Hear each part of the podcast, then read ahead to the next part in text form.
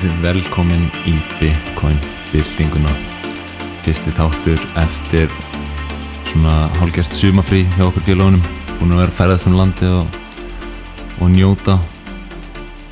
Og í millitíðina það búið að vera alveg mjög aktíft spjallið á Telegram á Bitcoin byltingunni og Bitcoin byltingin á Telegram. Og vera, búið að vera mjög gaman að vera í hana að ræða málinn þar og svona shoot the shit. Já, það er bara gaman að sjá hvað þetta er lífleg umræða. Fólk er bara að spurja spurninga og, og velta fyrir sér frettum og svona koma með skemmtileg sjónarhótt á það sem er í gangi. Þannig að þetta er svona bara svona organic hérna, umræða sem við hvetjum alla til þess að taka þátt í bara downloada telegram appinu og, og finna okkur Bitcoin bylningin ég held að við séum eitthvað svona 99 eða 98 meðlumir við erum alveg dætt í 100 alveg þetta í 100 það verður ykkur veisla þegar við dættum í 100 Já, við hendum einhverjum flottum gifum í gang hérna þegar við verum orðnir 100 sko. En að undarfarnan dagar samt, þá er búið að vera sterk umræði kringum sem sagt Bitcoin og önnur altcoins eða svona aðra myndir og önnur kerfi líka. Bæði þú veist önnur kerfi þá er ég ekki við um svona proof of work miðuð kerfi heldur sem nota einhverjan einhvern svona annan það sem við kallum kon- consensus algoritma eða hvernig við komumst svona að samræmi. Um, og þá er þú veist oft talað um proof of stake til dæmis sem svona annar hluti einmitt það er búið að vera mjög, mjög mikið um þetta og einn félag okkar hann Brynjar, hann er búin að vera mjög mikið að hérna, að testa okkur hann er, hann- hann er að spyrja bara góður spurninga og við erum að reyna Já. að fara yfir til dæmis hann er Cardano maður og Einmitt. við erum búin að vera að bara uh, ræða við hann um og svona reyna að komast að því hvernig það kerfi meikar ekki sens sko, allavega það er svona okkar, okkar skilningur á þetta. Já, en svo er þetta náttúrulega bara frjáls heimur og fólk gerir það sem að, vill en, en í þessum þætti þá erum við pínlítið að reyna að svara spurningunni af hverju við sjáum þetta sem bitcoin en ekki bálkakjæðir já, maður heyrir oft og hefur heyrt í gegnum árin að þú veist Bitcoin er ekki í raun og veru byltingin en bálkakeður munu breyta öllu. Og eða þú veist maður heyrir líka svona já, Bi- Bitcoin leysir bara proof, nei, store of value vandamáli en þú veist, bálkakeður geta gert svo miklu meira. Og það sem okkur langar að gera þættin í dag er bara að reyna, þú veist kafa alveg niður af hverju þetta snýst um Bitcoin en ekki bálkakeður og af hverju, þú veist, þú ert ekki með bálkakeðu og þú ert ekki með Bitcoin og eins, þú veist þá ert ekki með Bitcoin og þú ert ekki með bálkakeður og þetta er svona, þetta tvent verður að vera saman til að virka. Og hann og er svona, já, okkar svona tilraun að reyna að útskýra af hverju það er allt annað svindl nema, nema Bitcoin skiljum það samt mjög vel hérna af hverju fólk sem að er að koma inn í þetta space, inn í bitcoin heiminn eða ef það vil tala um þessum krypto heiminn að það eru þú ert með bitcoin og svo ertu með þúsundir annara rafmynda og það er ekkert skrítið að, að komast að þeirri niðurstöðu að þú ert með eitthvað sem að byrjaði þessa bylningu sem heitir Bitcoin sem er kóði og að það sé hægt að taka hann og setja í hérna air quotes einhverjar uppfærslur á hann og reyna betur um bætan. En við ætlum að reyna að tala pínlundu um hvernig sko Bitcoin í raun og veru það er kóði sem að var peningavætur og það tók tíma að gera það og það er eitthvað sem þú getur ekki gert við fleiri en eina eign í þessu tilfelli.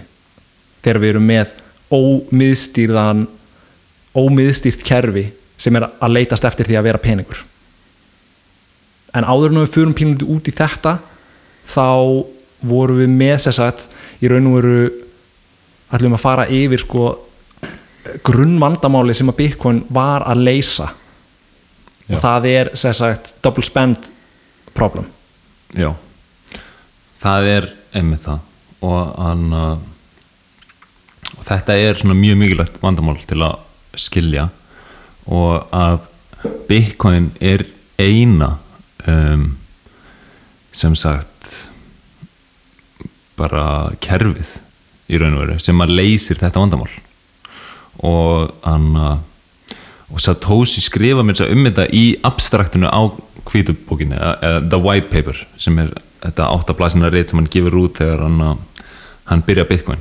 Og hann nefnir hann í abstraktinu og það segir hann "Dig- Digital signatures provide part of the solution but the main benefits are lost if a trusted third party is still required to prevent double spending we propose a solution to the double spending problem using a peer to peer network.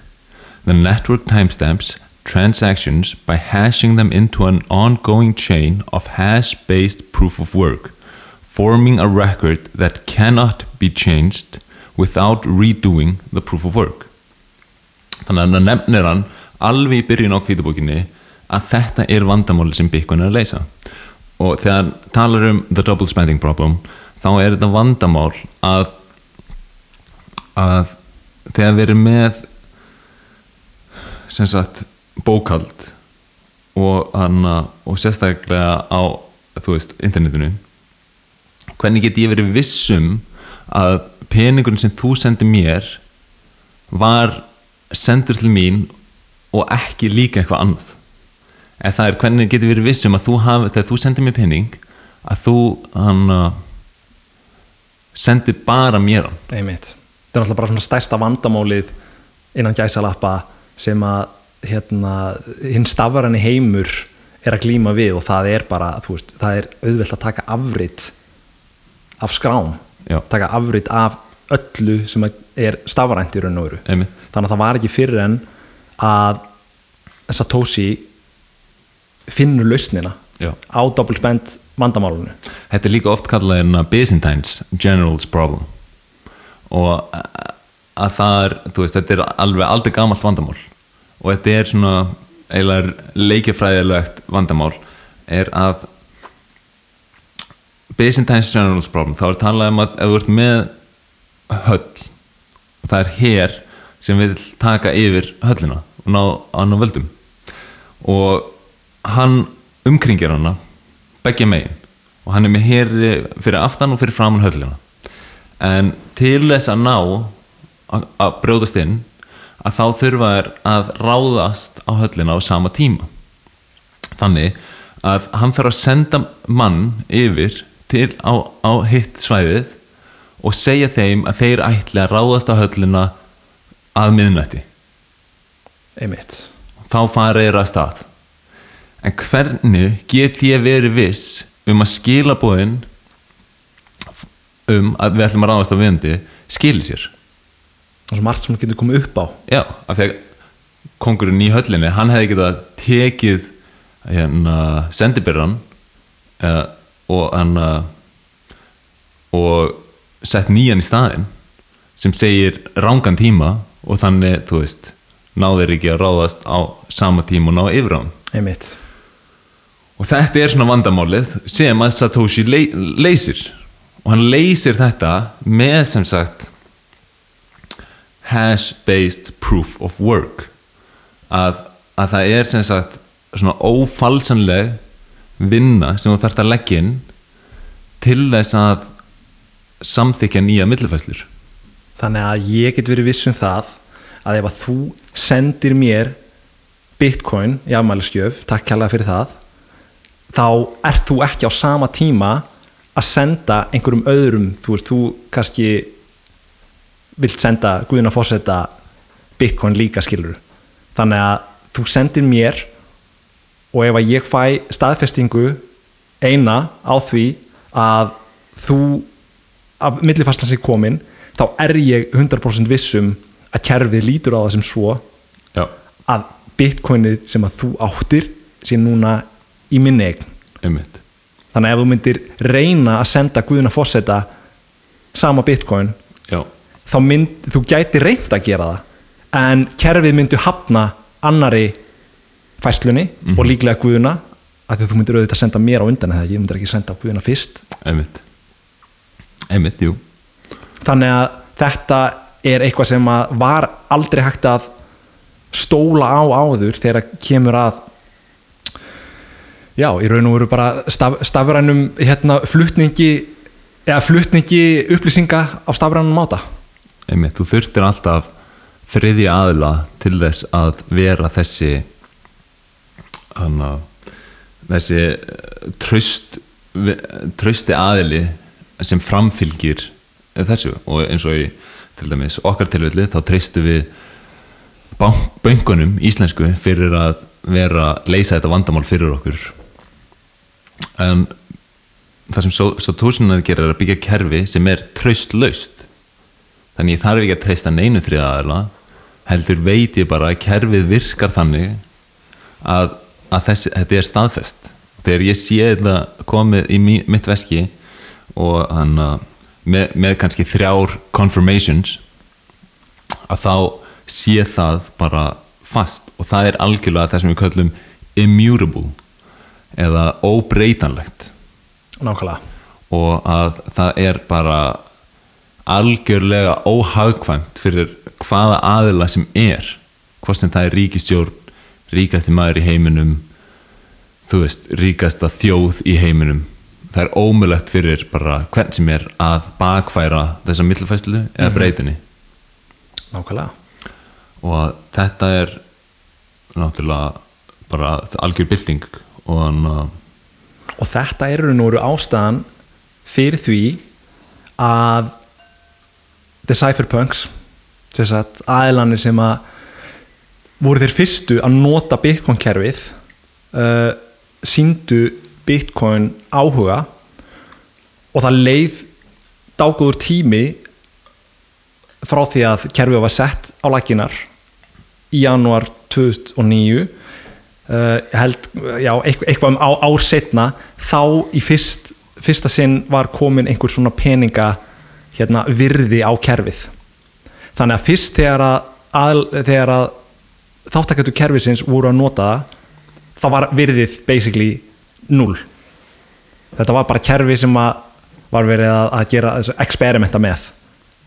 Og með tímanum þá áttuðu einstaklingar á sig eða áttuðu einstaklingar sig á nákvæmlega þessu sem við vorum að lýsa að þú ert með ómiðstýrt kerfi sem að býr yfir trúrileika að þú veist að ef að ég, ef að ég sendi þér bitcoin þá er það skrifað í stein.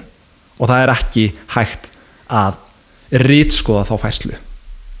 Þannig að þú ert með ómiðstýrt kerfi sem er órítskoðunarlegt þessi tveir eiginleikar verða til þess að fyrstu fæslunar á milli þáttangenda eiga sér stað þar sem að, þar sem að hérna, peningur er komin inn á milli. Þannig að ég til dæmis myndi bjóða þér að, að hérna, fá bitcoin ef þú myndi borga með pítsu. Eins og hann alltaf frækt fyrst, fyrsta peningafæslan tvær pítsur fyrir 10.000 bitcoin og með sagt þessu að þú ert komið með hérna, bitcoin er orðið einhvers virði og bitcoin er farið að hækka í virði þá eru fleiri einstaklingar sem að dragast inn í kerfið og hugsa sér gott í glóðurnar því fleiri sem að taka þátt því sterkara verður kerfið. Þannig að örgara verður það. Þetta er það sem við kallum network effect já, að, að því fleiri sem bæta við, bætast við að því svona verðmætar að verða kerfið. Nákvæmlega. Og, og þetta er svona þetta er svona einhvern veginn self-fulfilling lúpa að þú veist því fleiri sem bætast við því hann að meiri þú veist því not, fleiri notið sem bætast við því me, meiri verðmæti hann að myndast í kerfinu því meira hassreit myndast Mhm. því meira öryggi verður og með örygginu veða fleiri nóðendur þá ekst verðmætið og þá ekst hassreitið á móti og sen heldur þetta bara svona áfram að, að lúpa sig og, og stækka og stækka og svo við þetta sko, the secret sauce í þessu öllu saman er að trúruleikin snýst ekki bara um það að ég geti verið vissum að færslan mín hérna sé staðfesti kerfinu að eilífi ef að þú myndir senda mig bitcoin heldur líka það að með bitcoin þá var skapað hinn fullkomni hörgull sem sagt fullkomin sjálfgæfileiki þú ert með 21 miljón bitcoin í kerfinu eins og við erum búin að tala um margóft og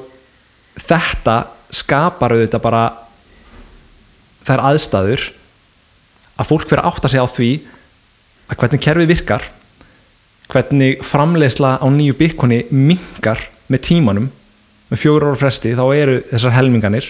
Mm og þú ert með takmarkað magn af Já, og þú ert með þetta ótrúlega trausta kerfi sem að þriði aðili þarf ekki að koma inn á. Þetta traust bara ítur undir það að fólk haldi áfram og þetta hérna verður að ringrás einmitt peningakerfi þau eru líka oft að renna saman eru svona ætíð að renna saman í eitt.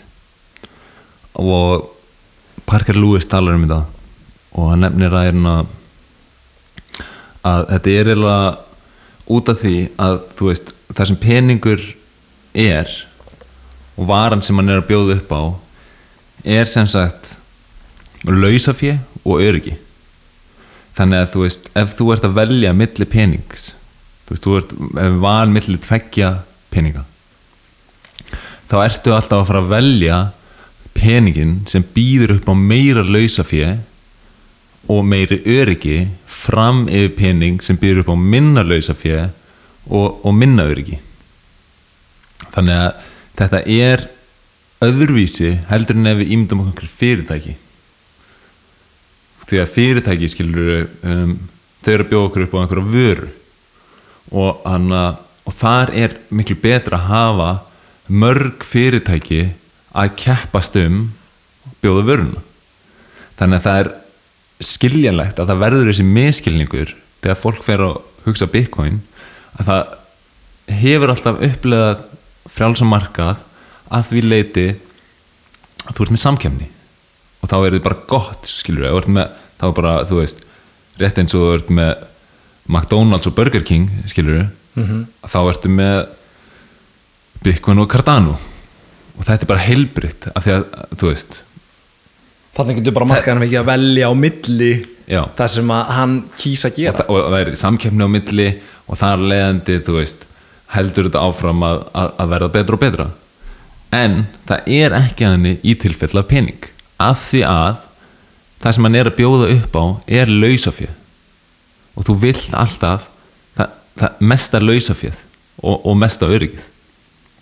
Og þá, þá er samt kannski bara gott að koma inn í sko að það gæti hérna einhver verið að hugsa með sér núna ok, en við erum samt með þú veist hundruði gjaldmiðla í öllum heiminum, þú veist með dollara og, og krónur og, og efurur, þú veist af hverju er það hérna möguleiki að vera með svona marga gjaldmiðla með það sem þú veist að lýsa. Já, akkurát og, og þá einmitt við hérna sagt, málið er bara að þú ert með þjóðargjaldmiðla valdbóðsgjaldmiðla sem að eru í raun og veru þú veist það er einogun og starfsemi hjá ríkjum að framleiða pening og þau þannig séð þvinga peningin á þjóðina. Já, það er ekkert val um að gera annað. Nei, þetta er valdabóðið skjaldmiðlar. Já, þannig að þú ert með miðstýr hérna, element sem eru seglabankar sem að koma þessu út. Þvinga þessu. Þannig að það er í raun og veru ástæðan fyrir því af hverju við erum með hundruði gjaldmiðla. Þa, það er í raun og veru mjög óhagkvæmt að vera með alla þessa gjaldmiðla. Það er bara mjög óhagvæmt það er algjör þvæla í raun og veru. Og sa sagan sýnur okkur líka það að bara allt frá hérna, tímum Rómverja skilur þegar þeir voru byrjaðir að taka gullpenningana og, og klippa pínlítið brot úr þeim skiluru í raun og veru var það svona fyrst, fyrsta formið af, af hérna af uh, verðbólgu skilur það sem að það var verið að klippa hluta af gullinu af peningunum. Og þetta var til þess að, að gjaldmiðlinn sem rómverjar hérna uh, went bust í raun og veru og það þurfti að taka upp nýjan gjaldmiðl þetta hefur gerst trekk í trekk í sögunni og veist það er dæmi um þú, þúsundi gjaldmiðla sem að hafa hérna farið söður og, og þú hefur þurft að byrja með nýjan gjaldmiðl upp á nýtt. Og það vill svo til að bandaræski dólarinn hann er teknilega sér 50 ára gamall í dag með hvernig uh, hann hefur verið að starfa. 50 ár síðan að Nixon tók gullfótinn af árið 1971 ég held sér tíu dagar í hann 50 ára og bara afmælisveislu Fiat Galmila Vá, við verum einhvern veginn að halda upp á það. Og það mun koma svo tími og það eru öll hérna það bendir til þess bara með hvernig skuldasöfnun í, í, í bandaríkjunum hefur verið að þróast síðastlegin 50 ár að bandaríski dólarin er ekki að fara að lifa af í mörg ári viðbútt þú veist það gæti verið 10 ár, 20 ári viðbútt hver veit. En það bendir allt í þess að, að dólarin muni ekki lifa að eilifu já, eins og það segir þá er þetta ástæðan fyrir að eru svona margar gerður af Fiat Galmilum er vegna þess að þetta eru valdabóðskjálmilar mm -hmm. og á frjálsum markaði þá hefði þetta ekki mótast svona. Því að á frjálsum markaði þá er þetta eins og við séum, er, erum að tala um að þá er þetta þessi hann að og hugsaður þetta út frá pening út frá fyrstu lögmálum og hvað hva er það sem hann er að bjóða upp á? Hann er að bjóða upp á lausa fjö og öryggi. Einmitt. Þannig að, að þú veist það rennur alltaf saman í, í, eitt, í eitt form. Og þess vegna þú veist var, var það alltaf að gerast og þess vegna varð gull að, að þú veist að lokum standardin já, Nick Szabo kemur inn á þetta mjög í, svona ígrundað í grein sem heitir Shelling Out sem við mælum allir lesa og þá fer hann alveg bara í gegnum söguna því hva, hvað við höfum út þessum pening og hérna og hvernig svona mismunandi forma peningum hafa verið að keppast við hvora aðra. Mm og hvernig peningur hjálpar okkur að, að þú veist, skala upp sem samfélag. Og hann já, bara mjög áhugavert. Einmitt En það sem mjög að- áhörgurinn það sem að hérna mér þykir persónulega líklegt er að þegar að þetta tímabil valdbóðskjaldmila sem við erum að fara í gegnum núna og eru og ég var að tala um að væri mögulega að fara að líða undir lok þegar það gerist á einhvern tímapunkti af hverju er þá ekki bara einhver annar nýr valdbóðskjaldmiðl að fara að taka við eins og sagan hefur sínt okkur að geri síðastliðum 2000 ár?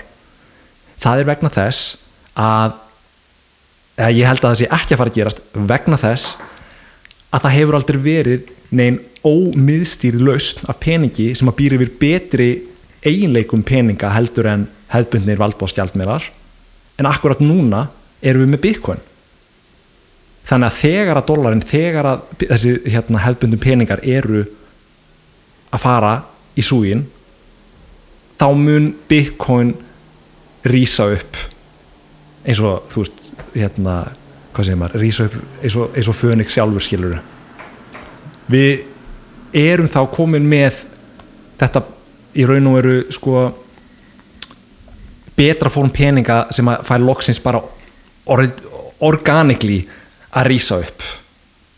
Það er allavega eins og ég, ég sé þetta gerast í framtíðinni. Já. Um, það sem peningar eru líka er þetta er svolítið það sem þeir eru er þetta er samskiptakerfi. Og þannig að peningar eru raun og eru bara samskipti. Og ég myndi svona þú veist segja að þetta væri eiginlega mikilvægra samskiptakerfi heldur en veist, eins og að segja actions speaks louder than words. Að, að þú veist, gjörðir þínar tala miklu hærra en, en þú veist, það sem þú segir. Einmitt. Og að og líka don't show me what you don't tell me what you think show me what's in your portfolio er líka svona önnur hérna. Já, er það ekki frá Nassim Taleb? Mögulega ekki besti vinur Bitcoin hérna manna í dag. Nei, vá, það búið að vera stórkostlegt að fylgjast með þeim gæja bara bara fremja social suicide. Já, hann er rosalegur. Gefur sannlega rúst orðspórum sínum. En já, að, að samskipt sam, þetta er raun og veru, þú veist peningur er samskiptakerfi. Og mikilvægara myndi ég segja samskiptakerfi heldur en tungumál af því að við erum svo mikið að segja við erum að sína hvað við erum að hugsa þegar við kaupum eitthvað. Þú veist, við getum sagt hitt og þetta en að kaupa eitthvað er að virkilega taka tíman okkar sem við þú veist, áttum og, set, og setja hann í þann hlut sem ég kaupi. Mhm. og það er líka eins og með pinning ættilega þannig að samskiptakerfi renna saman í eitt. Og bara vegna þess að það er hagkvæmast fyrir þú veist, samskipti til að eiga sér stað. Mhm. og þannig við tökum sem dæmi þá eins og fleiri samskiptakerfi þá tökum við eins og farsímakerfið GSM að þú veist það er langt hagkvæmast að við séum öll að nota sama GSM kerfið. Mhm. og ef það, þú veist, það er ástæða fyrir að við erum ekki með margskonar farsímakerfi. Algjörlega. Og, og það bara myndi ekki make a sense. Nei, ef að ég það, hérna, ef að ég myndi vera í Nóa og þú hjá Símanum skilur og ég myndi bara ekki geta hringt í Já. þig veist, það, það væri ekki hagkvæmt fyrir þú veist, kerfið myndi bara ekki virka þannig nei og, það, og þess vegna rennaðu alltaf saman í eitt af því að það er hagkvæmast á lausnin og þú sér þetta bara ekki, þú getur tekið GSM þú veist, HTTP e-mail Mhm. að, að þú veist bara eitt kerfið sem við sendum þú veist, getum verið með e-mail samskipti. Einmitt. Um, og frækt í hérna á nýjunda áratuginum þegar að mynd, fólk var ennþá að horfa á, á myndbandspólur Já. þá ertu sérst með WAF-HS kerfið og, og Betamax kerfið. Já, að, kepp, að sumir sögðu meira að segja að Betamax hefði sínt upp á betri gæði myndgæði heldur en WAF-HS en ég, ma ég man ekki nákvæmlega hvað það var einhverja hluta vegna þú veist þá var það WAF-HS kerfi sem, að- sem að vann. Og það var standardin. Þú ert alltaf með eitthvað sem að leitast eftir því að vera standardin. Já. Og hann að og það er, að, það, já, það er einmitt alltaf þannig sko. Og að það er, þú veist, hérna, peningur er engin undanskilða og það er bara, þú veist, nú erum við komið með nýtt samskiptakerfi. Og þetta er svona kerfi sem við notum núna í að mæla og miðla verðmætum og það er lang hagkvæmast að við sjöum öll að, að nota það sama. Og að, vegna þess að það er hagkvæmast þá mun það væntanlega inevitably gerast. Um, og síðan er svona já, kannski þú veist snerta þess á af hverju af hverju við erum að tala um að þetta samskiptakerfi Bitcoin sé besta samskiptakerfi til að miðla verðmætum en ekki einhvað eins og Cardano eða eitthvað svona proof of stake uh, miðað kerfi. Já, það var náttúrulega bara hérna, sko, ef við bara förum, förum pínliti í gr grunninn af þessu, þú ert með Bitcoin sem er kóði og þú getur afrita kóðan þannig að ef að ég myndi núna fara að afrita Bitcoin kóðan og keira nýtt nýja bálkakeðu þá er ég ekki búin að skapa pening Nei. þú þarft að vera með eiginleikana sem að eru í raun og veru ekki innbyggðir í kerfið sem að snúast um trúarðuleika eins og við vorum að tala um áðan þar sem að þú ferð og, og setur peningina þina í og það vex og það verður að gerast organically og þegar þú ert að tala um bálkakeður þá ertu í, í öllum tilfellum með eh, verkefni sem að hafa annarkvort verið afrituð og þá ertu að tala um sko, þetta eru hérna hard fork eins og Bitcoin Cash það sem á tekur eru nú eru nú, núverandi hérna góða bara núverandi kóða og núverandi bálkakæðju nema að þú breytir reglunum örlítið og býr til nýjan svona fork. Já, þetta kallast hard fork. Einmitt. Og í dæminu með Bitcoin Cash þá breyttu þeir basically reglunum um hversu stórir uh, bálkanir gátu verið í hérna bálkakæðunni vegna þess að þeir töldu að Bitcoin sagt core sem er uh, upp, upphálega Bitcoin það gæti ekki skalað upp og þjónað öllu mannkynunu þannig að þeir brúðu á það ráð að stækka bálkana og sögðu að það myndi hérna verða til þess að allt mannkynni gæti notað um, kerfið. Það hljómar mjög vel og hljómar mjög göfugt en það sem að þeir gerðu sér ekki grein fyrir var að þegar þú stækkar bálkana þá verður mun erfiðara að keira nóðunar sem þýðir basically að ef að ég ætla að vera með eina af nóðunum sem að viðheldur reglum kerfisins þá þarf ég að niðurhala ég þarf að downloada hverjum einasta bálka sem verður til. Og ef þú ert að stækka bálkana þá verður alltaf erfiðar og erfiðara fyrir mig að, að búa til og finna pláss fyrir hérna bálkakeðina já, bara nóðan stækkar og verður bara óviðráðanlega að, að vera með. Og þegar þessi tilraun fer af stað 2017 er það ekki? Sem að Bitcoin Cash hardforkar, jú, jú, það vissi enginn hvað var að fara að gerast. Nei. Þú veist, fólk í raun og veru hérna skipti sér í, í tvent með það hvort að Bitcoin Core upphálega eða Bitcoin Cash væri hið raunverulega Bitcoin. Og það vissi enginn hvað var að fara að gerast. En með tímanum þá hefur í raun og veru markaður, hinn frjálsið markaður þar sem að fólk getur bara keift og selt Bitcoin eða Bitcoin Cash sitt það er búið að sína okkur fram á það að fólk leitar í upprönnulegu keðjuna. Já, þannig að það eru skilabóð sem eru mjög skýr upp á það að, gera að þú getur ekki afritað bitcoin og betur um bæta nei það er, það er fyrsta lagi. Mm svo er þetta að taka dæmi um önnur kerfi sem að eh, já, í raun og veru sko þú ert að, þú ert að taka afritið af bitcoin eða þá eiginleika sem að leifa því að búa til bálkakeður en býr til síðan eitthvað annað. Þú veist, þú ert í raun og veru bara að búa til einhver svona Frankenstein monster þar sem að þú býr til Litecoin eða Litecoin er hardfork það er hardfork líka, já. Ok, þú ert með þá, þú veist, Ethereum til dæmis. Já, eða ég man ekki eins og hvað þetta heitir lengur, Cardano, Cardano, Nano. Nano. Þú veist með í raun og veru þúsundir rafmynda sem að eru búin að setja nýja og nýja eiginleika en það sem að þeim skortir það sem að þessum verkefnum skortir allt er ómiðstýrileikin þau eru alls ekki decentralized, þau eru mjög centralized og eru öll centralized í kringum einhvers konar batteri, einhvers konar stjórn einhvers konar fyrirtæki sem að annarkvort heldur á megin hluta einingana sem að er verið að framleiða. Besta dæmi um þetta er auðvitað hérna, Ethereum.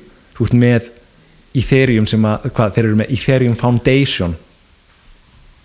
Er það ekki?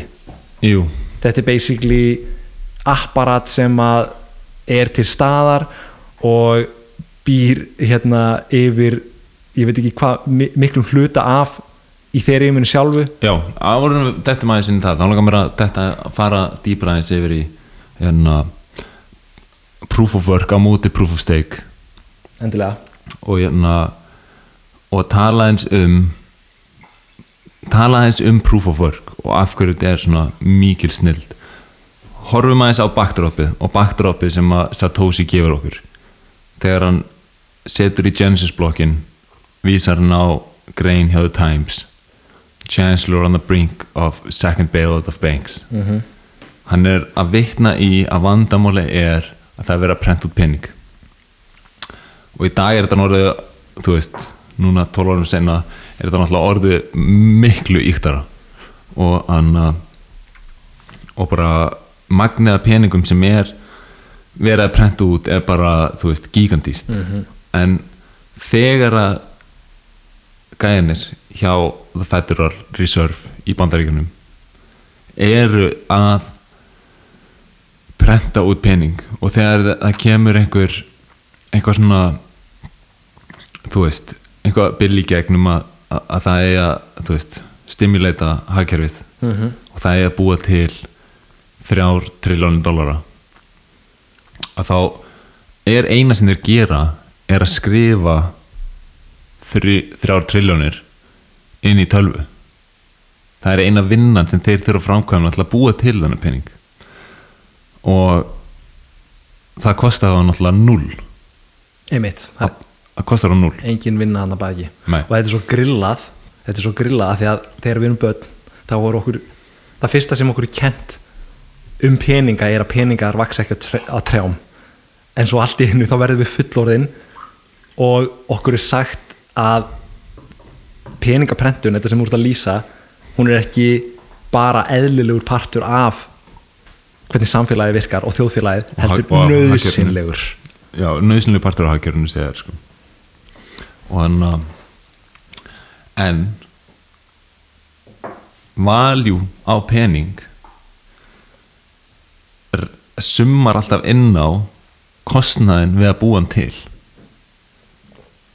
Þetta er mjög mikilvæg punktur þannig að ef við tökum til dæmis bandarækjadólarin fyrir og núna, þú veist, þeir eru að prenta út triljónum dólara og það er að kosta á null þannig að valjú á þessum pening er intrinsically null. Og að að því að kostar ekkert að hann til. Þetta er það sem Bitcoin leysir. Að þú veist það er ekki hægt að búa til Bitcoin án þess að framkvæma vinnuna. Mhm. það er proof of work. Að, að baka í hvert einasta coin að þá er ófalsanleg vinna búin að fara í að búa til. Og ég þarf ekki að treysta neinum fyrir því að það sé ófalsandi vinna hafa haf verið lögð í það. Af því að ég veit að kerfi virkar þannig. Og þú getur séð það sjálfur. Ég get treykt það með minni eigin nóðu. Þannig að þetta er gríðarlega miklu partur og er, er, er svona skýr þú veist við erum með vandamál við erum með Bitcoin sem leysir það með proof of work og með því að sannreinanlega ná að takmarka að halda takmarka við magni af 21 miljón og þannig að ef þú tekur proof of stake að þá er veist, þetta er ekki að leysa það vandamál. Af því að núna er- þarna, þa- með proof of stake þá er engin ófalsandi vinna á baku hvert coin. Heldur er- var þetta bara búið til á, á, á null kostnað? Já. Og þú ert með basically bara svo við lýsum proof of stake uh, þú ert með segja sagt, þú þarft að eiga ákveði mikið magn ef við bara lýsum proof of stake eins og Ethereum allar að gera þetta. Þú þarft að vera með ákveði mikið magn af Ethereum uh, sem þú átt sem þú læsir inn í kerfið. Ég held að er það ekki eitthvað svona 100 Ethereum eða, eða eitthvað slíkt? Jú, eitthvað hannig það er allavega sko 100 sinnum virðið á því í dag eru þú veist 2000 dólarar það er engin hérna fátækur einstaklingur að fara að hafa áhrif á í þeirjum kerfið í fyrsta lagi. Þannig að þetta er strax orðið mjög ósandjant kerfi gagvart ef þú ætlar að vera þjóna hagsmunum heimsins. Að þú ert með þá sem eiga minni auð minni í þeirjum þeir eru aldrei að fara að geta hérna, tekið ákvarðanir í þessu kerfi það er bara í fyrsta lagi sko. Og svo í öðru lagi í þeirjum þegar að í þeirjum var að byrja þá voruð þið með svo kallað pre-coin sale. Þannig að Vitalik Buterin fóristu maður í þeirjum hann sem sagt kemur fram ofinberlega og talar um hvernig þeir að bjóða fólki að kaupa ég held að það hafi verið hvað var það, 2000 í þeirjum fyrir 1 bitcoin sem þú færð. Það er príseilið og hann tala sérstaklega um það í pitsinu sínu hvernig fólk getur grætt á þessu. Þannig að hann er hérna með þetta príseil sem að fólk getur tekið þátt í og eftir eftir það þá kemur hann batterínu af stað og svo byrja þeir að framleiða Ethereum og henda, henda út skilur þannig að þú ert með þetta element príseili sem, sem að gerir þetta strax að ótraustveikjandi. Það sem þetta gerir í raun og veru í þýrum að þá er að þetta er orðið bara eins og fyrirtæki. En þeir diskæsa sig á baku það að vera að gefa út einhvað token sem á að virka inn á þessu í þýrum kerfi. En er hann en nota söluna því til að fjármagna bæði, þú veist, markasetningu og hann development. Einmitt þannig að það sem þú ert bara komið er bara fyrirtæki. Og þetta er það sem við höfum verið að nefna í þáttunum og eins og við nefndum með myndkaupmönnum og í þáttunum í kjölfari að eina af stóru áhættanum við að geima peningi sinni um Coinbase er að kannski kemur ljós að mikið af þessum drasslmyndum er í raun og veru óskráðu verbreyð eða það sem er kallað unlicensed mm, securities. Og að að það er í raun og veru bara það sem þetta er. Í því eins, eins og þú segir, gefur út 70 miljóna tókena prímæn sem fer á að fara í anna, development og, og marketing og, og þannig það gerir þetta bara að, að fyrirtæki. Og það er mjög áhugavert núna að nýjena nýr um, stjórnaformaður hjá SEC Securities and Exchange Commission í bandaríkunum mm -hmm. hann sér þetta svona. Og ef horfir, hann er, er hann var kennari hjá MIT þar sem hann var að kenna kursa um bólkakeður og þar kemur hann bara mjög skýrt inn á þetta hvernig að Bitcoin það, það, það lofaði engu og það seldi þér aldrei Bitcoin um lofur einhverju vöru. Svo tósi bara kemur með, með þetta protokól hendir þessu út og síðan bara byrjar það. Síðan bara strax er komið samkeppni um að mæna það og þeir sem mæna það eru þá í, eiga þessi bitcoin og geta síðan byrjað að skipta, skiptast á, á þeim. Þetta er allt, allt öðru sem við tökum til dæmis í þýrjum eða, eða flest önnur altcoins fa- hafa farið sömu braut og í þýrjum og, ná, og vera að fjármagna sig með sölu á þessum tókunum þetta er sem sagt, hann heitir Gary Gensler. Já, þessi maður sem múst að lýsa. Og hann er búin að vera núna síðastlinar tvær vikur að koma fram í viðtölum CNBC og einhverjum svona fjármála þáttum þar sem hann er akkurat að tala um þetta. Og hann er að segja að þeir sagt, þessi, þessi stopnun sé að fara hart gegn þeim apparöðum í þessu krypto spacei sem að eru nákvæmlega að stjórna sinni hérna já, sínum, sínum hérna verkefnum eða e- eftir þessu sem úr að lýsa. Já. þannig að þú veist, þeir eru, þetta er bara þeir hegða sér eins og fyrirtæki.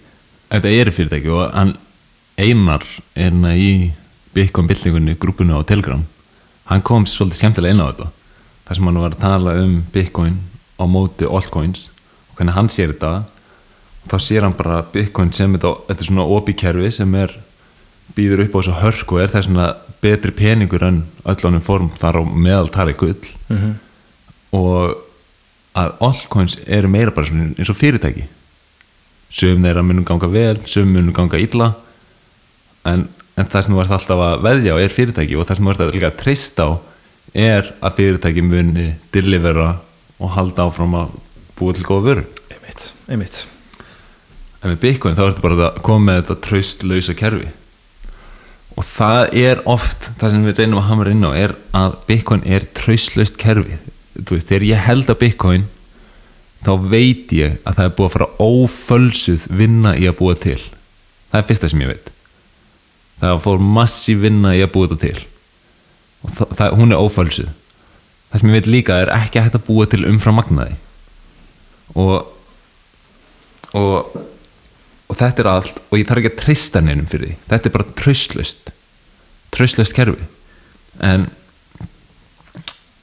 þannig að Bitcoin er að gera okkur kleift að setja, þú veist að setja ekki örlögin okkar í hendur annara en eins og með proof of stake kerfi að þá er það einmitt það sem þú ert að gera. Þú ert að setja örlög þín í hendur á þessum stakers sem þú ert að vonast til að framfylgi réttu kerfi.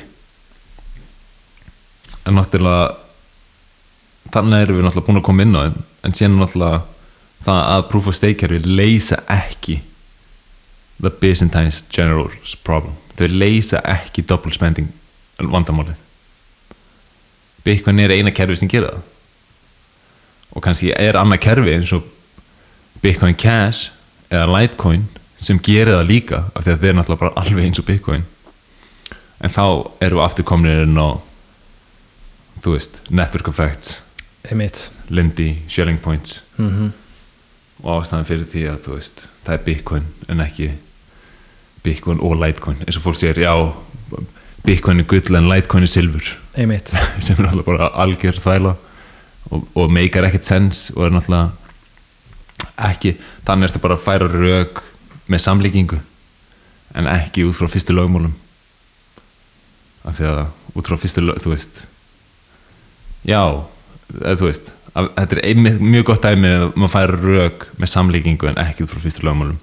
Er að segja bara svona já, af því þú varst með gull þá var silfur líka þannig að þú ert með Bitcoin þá er hlýtur að vera Litecoin líka. Og. Litecoin er þess að silfra á litin og eitthvað, þetta er alveg ógslag að fyndi en þetta er samt sko þú veist, þe- þegar maður hugsar um þetta ma maður þarf píl þetta er, þetta er nefnilega ekki einfalt og það er ótrúlega auðvelt að þegar maður er ekki búin að skoða þetta djúft að komast að þessari niðurstu auðvitað, þú veist, meikar alveg sens að vera með hérna eitthvað svona silver to your gold skilur, með Litecoin og, og það er ástæðan fyrir því að það er svo margir sem að halda að sé bara ekkert mál að uppfæra Bitcoin. Við búum bara til, bet- þetta er bara barnsins tíma sem að hérna núna þurfum bara að taka þess bara takk fyrir Satoshi, þú ert búin að búa þetta til. Nú ætlum við að reyna að búa til einhverja eldflög útrússu skilur nema það, veist, þetta bara, það virkar ekki þannig. Þú getur ekki skapað eiginleikana sem að gera Bitcoin að peningi með því að búa til einhvern kóða. Þetta snýst allt um, um trúarðuleika kerfisins. Og þetta er ástæðan fyrir því að Bitcoin er búin að vera að hægða sér eins og svartól á auð. Þú getur tekið Bitcoin og miðað við hvað sem er. Hvort sem, hvort sem það sé gjaldmiðl einhvers konar rávara einhvers konar altcoin. Ef þú setur það saman í einhvers konar töflu þá sérðu hvernig Bitcoin er rí, rísandi í virði miða við í raun og veru hvað sem er á tímanum á tímalínunni. Þannig að þú ert með bitcoin sem er á 12 árum er búin að ná að komast upp í 1 trillion dollars. Og við sitjum núna í einhverjum hvað 7-800 miljónum erum ekkert, það er ekkert ólíklegt að við förum aftur upp í, upp í hærri hæðir núna setnin hluta þessa árs. En eftir því meiri tími sem líð, eftir, eftir því sem meiri tími líður þá er líklegra að fólk muni halda áfram að nota lausnina sem að er sterkust á markaðanum í dag. Og það er basically þetta Lindy effekt því lengur sem að fyrirbæri er til því líklegra er að það má halda áfram að vera til í framtíðinni. Þannig að þú ert með svo margt sem að bendi til þess að, að Bitcoin sé að fara að halda áfram á vegferðinu upp.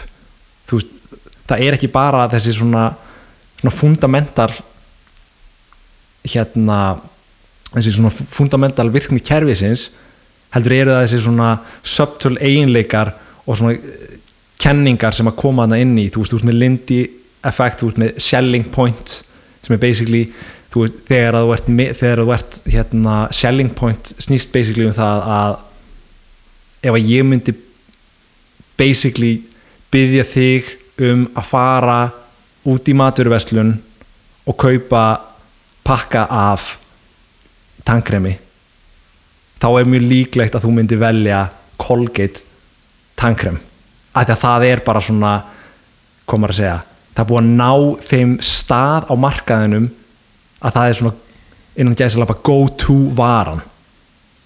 Og þegar þú ert búin að ná þessu selling pointi þá er mjög ólík þá er mjög erfitt að missa missa þennan stall.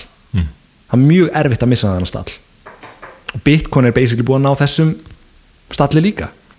Þannig að því fleiri notendur sem að flytjast inn í út af Lindy og Shelling Point kenningunum þá ertu komið með annað element sem við höfum talað um hérna og það er network effektið sem að þýði basically bara að því fleiri notendur sem að koma inn í kerfið því verðum að verðura og þetta er búið að vera að sína sig síðastlinn 12 ár og það er mjög líklegt að muni halda áfram að gera það til framtíðar. Já.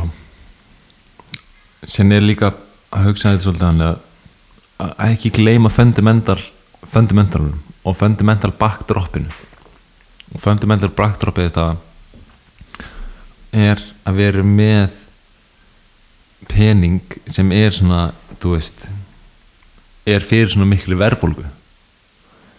Og við erum komið með svar við því sem er Bitcoin sem er kerfi sem er með bara 0% annað það sem við kallum terminal inflation. Eða svona og stefnir að núli já, verðbólgan stefnir að nulli og ne, þú veist, það eru náttúrulega bara 21 miljón en í dag eru 18,6 miljónir eitthvað og, og, og byggunin er að vera gefin út það er smá verðbólga en hún stefnir að, nulli og að, að það er svari við allir þessar peningaprentun. En þannig þú ert komið með öll þessi altcoins þá ert komið með svolítið svona það sem myndum segja unintended inflation. Þetta er svona, þú veist þetta er raun og veru verðbólga en hún ætti ekkert að, þú veist, hún er ekki þar hún er ekki viljandi þar, skilur hún frekar svona mynd, myndast þar og hann er náttúrulega betra að hún sé ekki. Og hann svona bara basically eins og þetta sé þetta er svona hérna, háfaði svona noise noise. in the market Jack Mahler, hann kemur mjög skemmtilega og hann er búin að vera að mæta undanfæri í viðtöl að ræða það sem hann er svolítið að challengea hérna Brian Ar- Armstrong hjá Coinbase. Og hann að og það er búið að vera alveg legendary að hlusta á það. En þá, þá segir hann skilur að þetta er alveg bara svona þú veist, öll þessi altcoins eru bara informational arbitrage.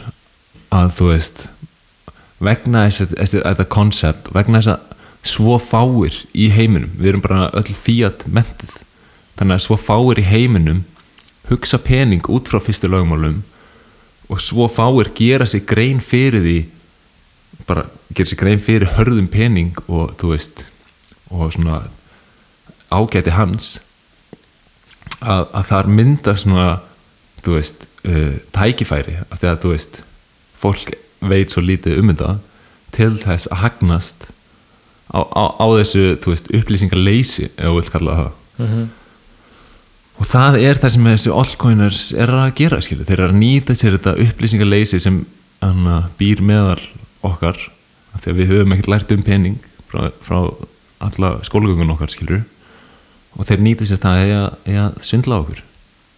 Og þess vegna erum við svona þú veist, ég veit eins og hann að Brynjar félag okkar var búin að vera mikið að þú veist, hamra á Cardano og þú veist, ég, ég ger mig grein fyrir að hann trúir mjög mikið á þetta kerfi og þú veist, hann, hann vill sjá betri heim og hann trúir innilega að Cardano muni til lifra það.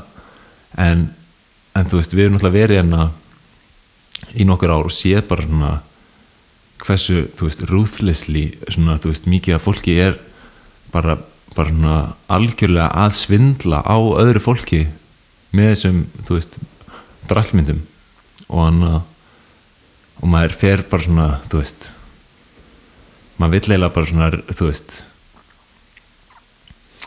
ég veit ekki, bara svona bara vara fólk við? Já, mjög, maður vill bara hávært vara fólk við hvað þú veist Bitcoin er mikil bylting og hvað þetta er bara óhjákvæmur óhjákvæmulegt og er bara að fara að gerast en á sama tíma hvað það, þú veist, verði að passa sig á þessum drastlmyndum af því að þú veist, þeir, þetta er bara þetta eru bara svindlarar skilur Já, og þú veist, ég hef ekki séð neitt annað sem að, sem, þú veist, ekki séð neitt sem segir mér annað.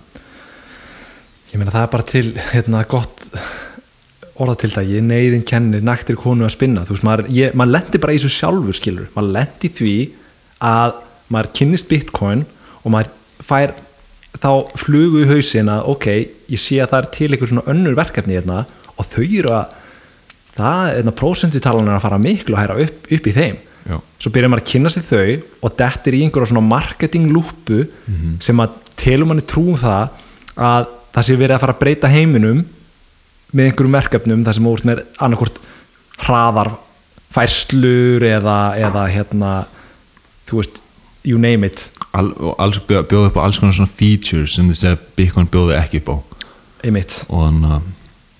en en svo lendir maður í því að það kemur dropp og maður byrjar að tapa og svo býður maður eftir því að, að verði farið aftur upp. Og á þessum tímapunkti var maður að skoða allt og jafnvel að fara að skoða bitcoin sem á einu tímapunkti þá var ég bara eitthvað svona bitcoin er bara risaðila skilur af hverju er ekki allir að hérna, kaupa nano? Af hverju er ekki allir að kaupa hitt og þetta skilur en maður braut ott af oflæti sínu og svona fór aftur að ok, kannski er eitthvað hérna, barið í þetta gamla góða bitcoin Já. og komst að þeirri niðurstöðu að lokum að wow, þetta er það eina sem skiptir máli út af þessu sem við erum búin að tala. Mm, það er ekki mjög augljóst af því að þetta er bara pínlítið kátískur heimur. Já, og það er allir að reyna að græða, það er allir að reyna að selja öllum að vera, þú veist miljón og biljónir mhm. og líka allt sem maður hefur lært um fjárfestingar er óeðlilegt þú veist, það er ekki þú veist, allt sem hefur lært er bara diversification, skilur og frjálsmarkað er samkefni þú veist. Við, þetta er svo einstakt að það sé vera peningavæða eign frá nulli að þetta, þú veist, það er ekki hægt að líki sér við neitt annað. Við þannig að, höfum allir séð þetta á þér nei, þannig að bara svona eðlilega fyrir við að hugsa já, það er, þú veist þú veist, það er eitthvað Burger King við, við Bitcoin skilur sem McDonalds skilur veist, það, það þarf alltaf að vera þessi samkenni og hann að það er ekki Nei, bara, það bara bara- virkar ekki þannig. þegar kemur að ómiðstýrðum peningi sem að byggir á fullkomum salgjafileika sem er ó, ó hérna, eiginleiki. Já. Og hann að og það mun, mun sanna sig. Þetta er alveg eins og við segir þá hefur við höfum verið hana sjálfur sko. og við, þú veist leiðin byrjar svona vanalega fyrir, fyrir flesta, ekki alla. Ég vildi ég væri einn af þeim sem stakkaði bara sats og seldi aldrei.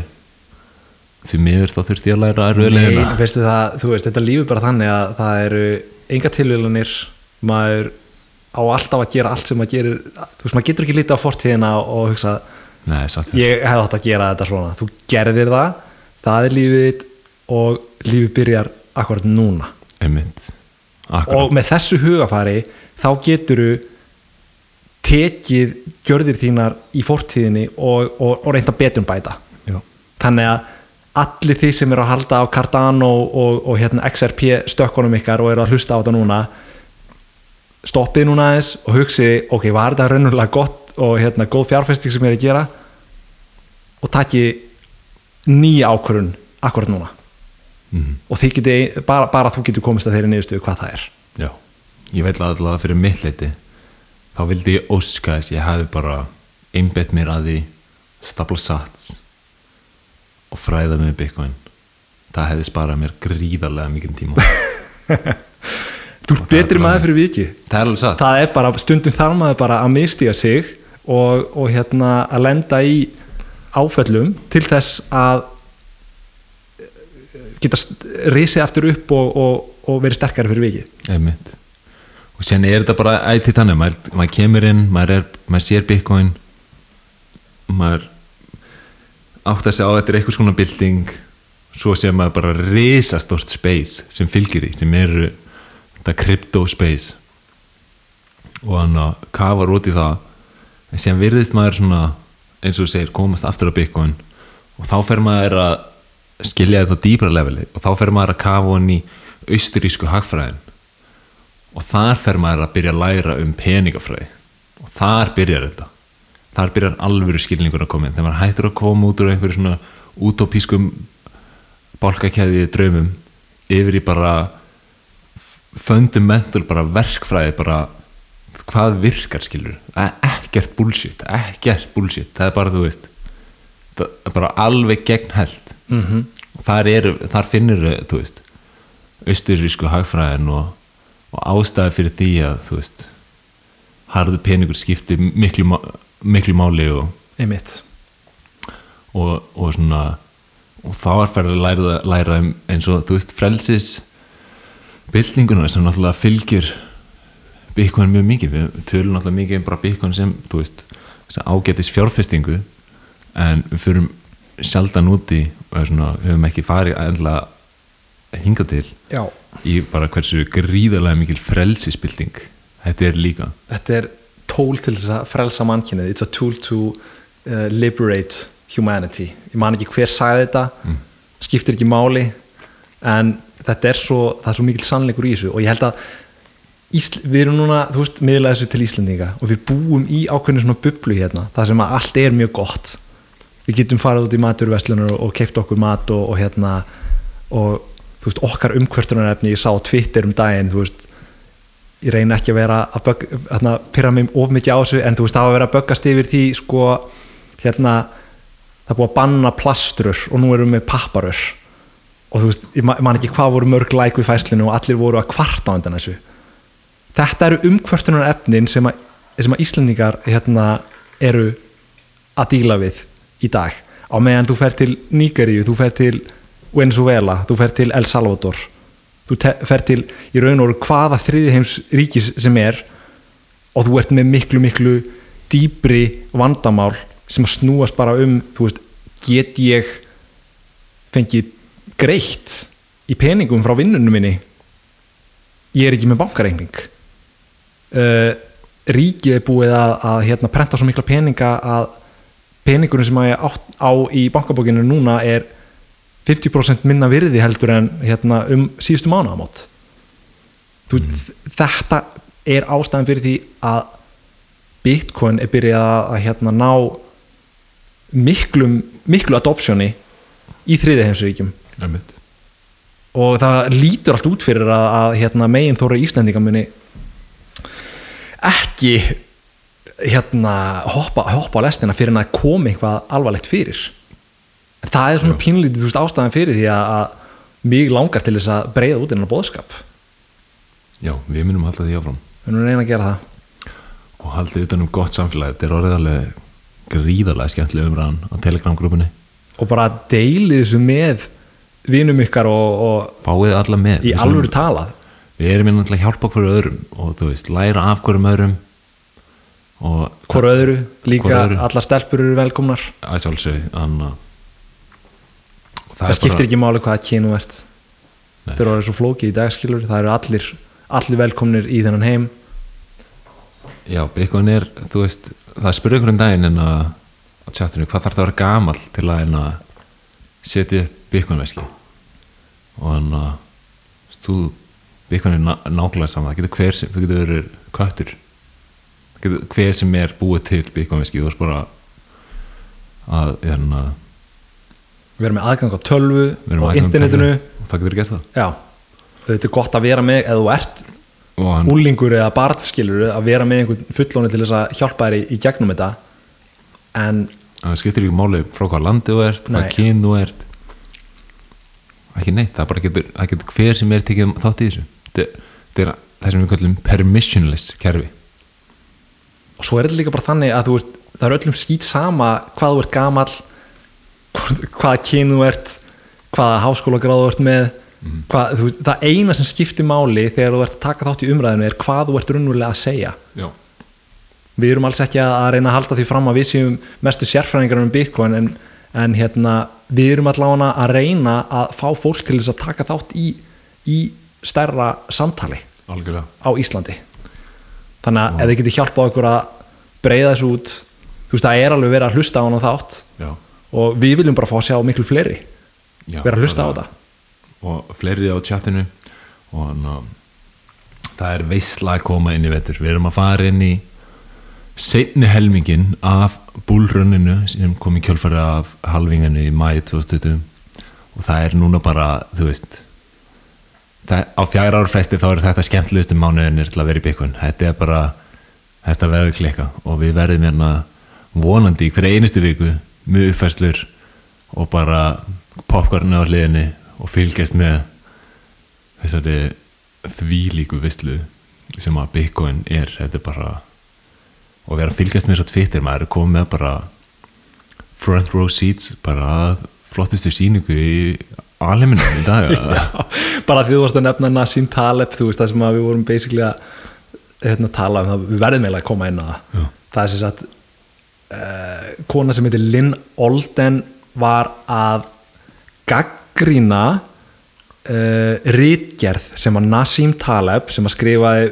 bókina hérna, Antifragility og hann er svona mikill er hann ekki hagfræðingur eða? Hann er starffræðingur hann er starffræðingur skrifaði Fooled by Randomness Anti-Fragile um, fleiri bækur. Hann er mjög þekktur reytöndur mikill hugsuður og bara hefur búið til frábært efni og frábæra bækur en hann verðist vera mjög svona vafasamur einstaklingur.